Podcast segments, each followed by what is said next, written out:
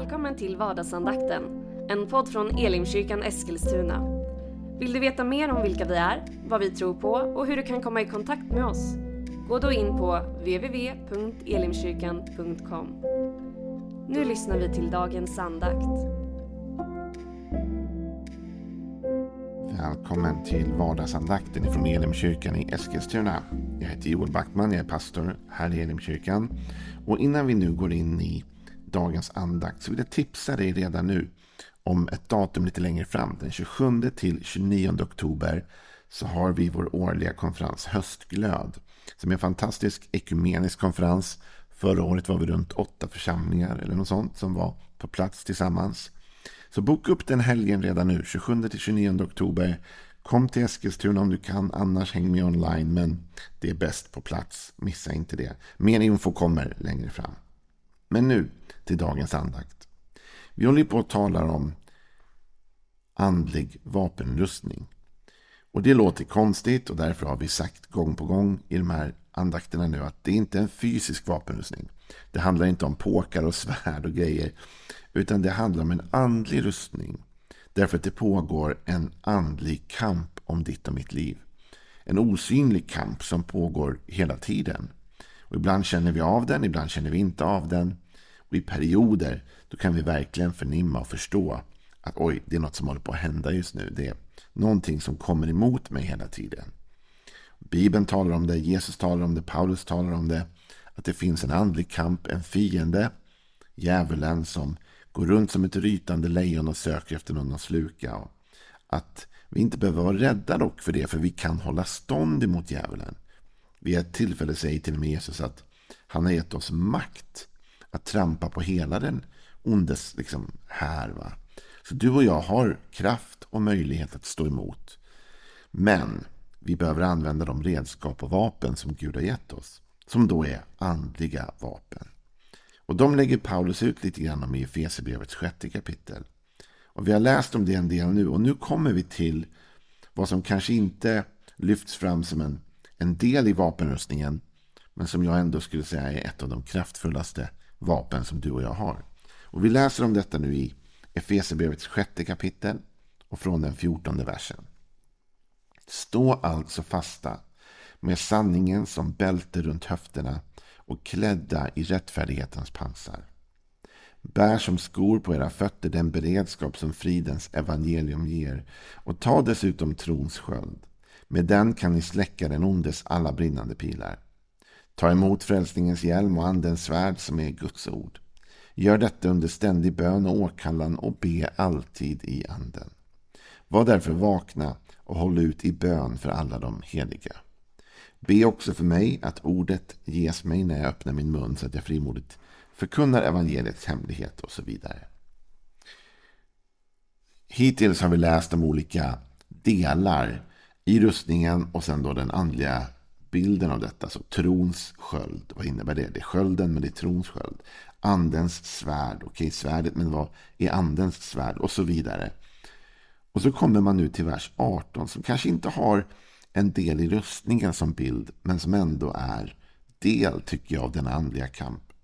Gör detta, alltså ta på dessa rustning, denna rustning, denna, gå in i denna strid. Gör detta under ständig bön och åkallan och be alltid i anden. Var därför vakna och håll ut i bön för alla de heliga. Den här vers 18 ska vi tala faktiskt om både idag och imorgon. Men vi börjar med detta då. Ständig bön, åkallan och bön i anden. Här lyfts det fram kan man säga tre typer av bön som du och jag bör ägna oss åt. Och det här är ju inte konstigt. Om man är i en strid, ett land är i krig med ett annat till exempel, så vet vi att kommunikation är avgörande. Och genom, om man läser krigshistoria och annat så kommer man se att att ta reda på hur fienden har kommunicerat är avgörande. Hur de har tagit kontakt med sina trupper, hur de beordrar sina trupper, allt detta. Kommunikationen är så viktig. Och när vi nu då är i en andlig strid så är det också viktigt för oss med kommunikation. Kommunikation med Gud. Att vi ber. Att vi vänder oss till honom. För faktum är att du och jag, vi ser väldigt lite av den här striden. Vi känner av den och vi kan se vissa grejer och förstå vissa saker. Men faktum är att för det mesta så är det en kamp lite i blindo. Men Gud, han vet och känner allt. Och Därför är det så viktigt att vi är i ständig bön. Inte minst i tider av livet då vi känner att det är kamp. Då vi känner att nu är jag mitt ute på något form av andligt stridsfält. Då är det så viktigt att du och jag förstår att våga kliva ut i ett böneliv. En kommunikation med Gud. Och Det är tre olika typer av kommunikation som ändå lyfts fram. Det ena är den ständiga bönen. Jag ska säga något om det. Det andra är åkallan. Och det tredje är bönen i anden. Ständig bön. Att i den här kampen alltid prata med Gud.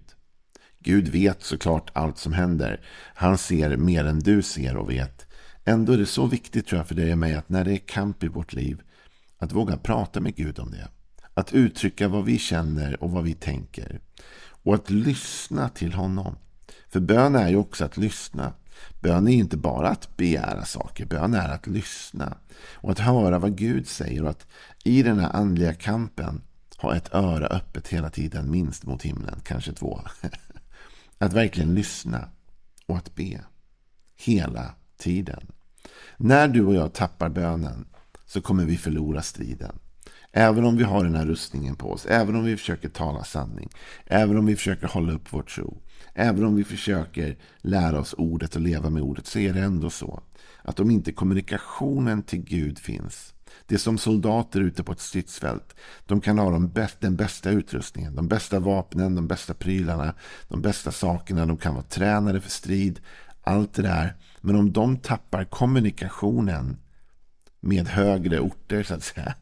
Som bestämmer vart de ska gå och hur de ska göra för att de ser en helhetsbild. Då kommer de förlora striden. På samma sätt är det med dig och mig. Vi kan vara redo. Vi kan tycka att vi kan Bibeln. Vi kan tycka att vi är, lever i sanning och allt detta. Men om du och jag tappar kontakten med Gud så tappar vi striden. Vi förlorar. Därför vi tappar instruktionerna. Vi tappar vägledningen. Vi tappar förmågan att hitta rätt. Men också att få prata av oss.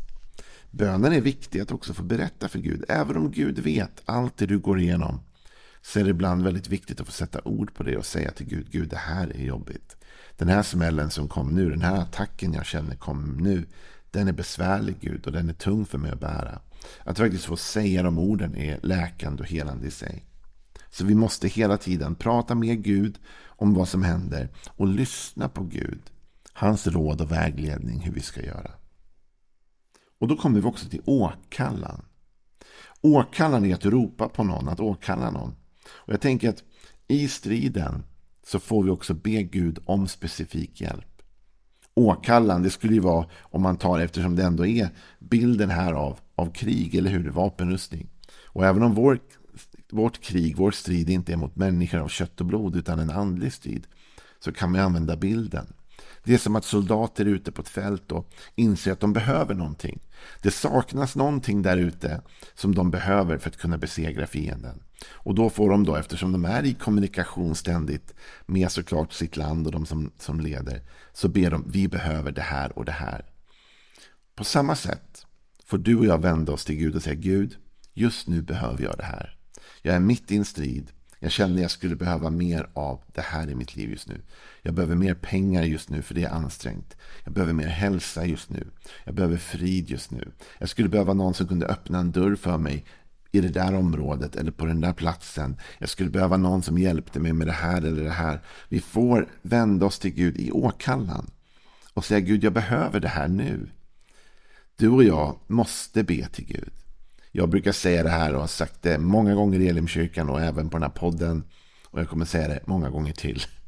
Du kan inte vara arg på Gud för något som du inte har bett honom om. Du, ofta blir människor sura på Gud och upprörda, men de har inte ens bett honom om hjälp. Du och jag, vi kan inte vara sura på Gud om vi tycker att vi saknar det vi behöver, om vi inte har bett honom om det. Så du och jag, vi måste lära oss att be om det vi behöver. Att åkalla, att ropa på Gud och säga Gud, jag behöver det här.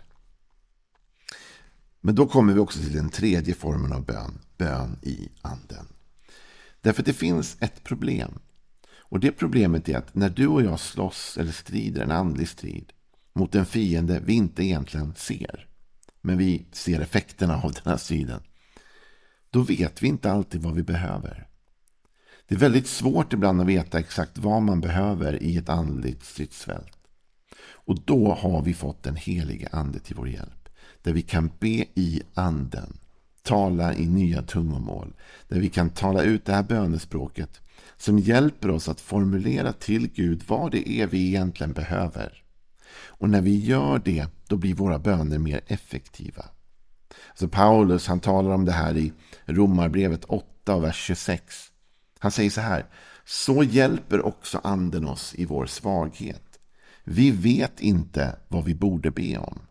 Men anden själv vädjar för oss med suckar utan ord. Och han som utforskar hjärtan vet vad anden menar eftersom anden vädjar för de heliga så som Gud vill. Anden är den som vet vad vi behöver.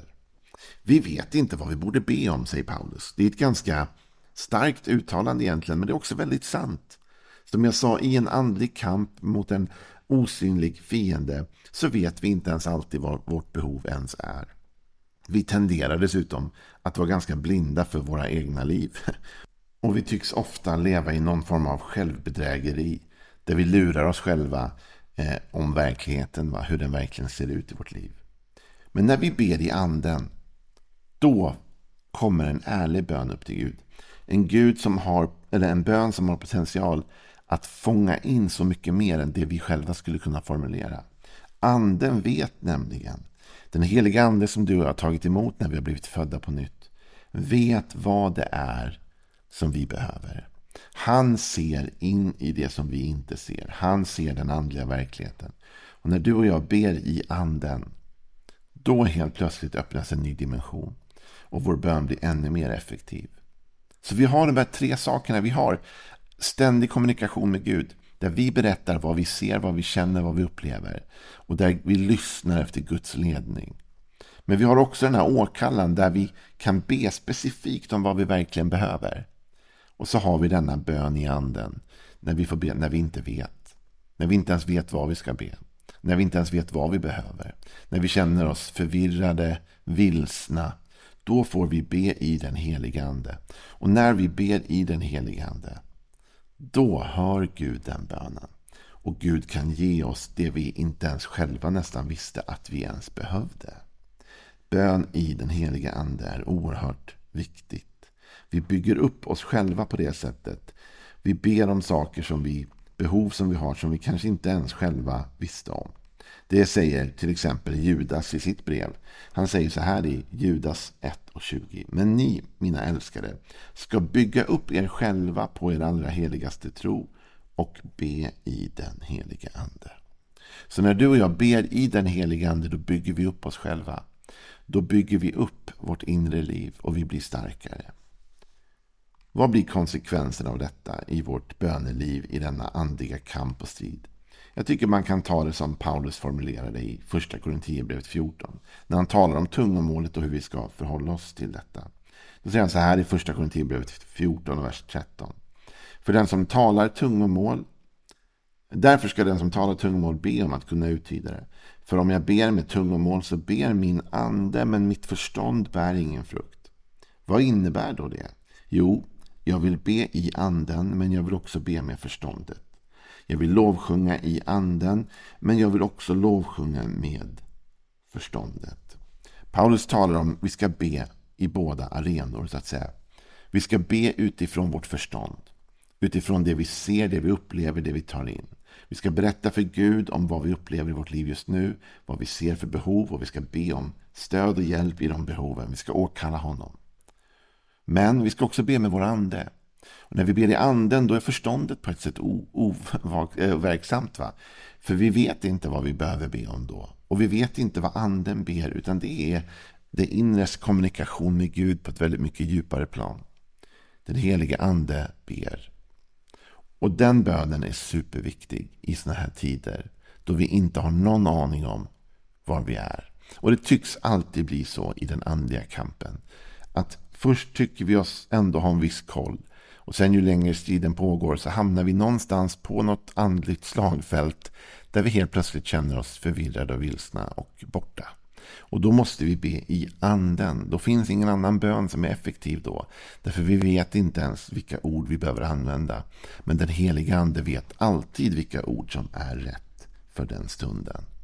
Så, när du har tagit på dig hela denna vapenrustning går då in i en bön, en tydlig kommunikation, en, ett tydligt samtal med Gud. Både med ditt förstånd men också med din ande så att Gud kan verka i ditt liv.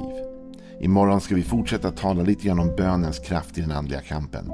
Men det tar vi imorgon. Hej då.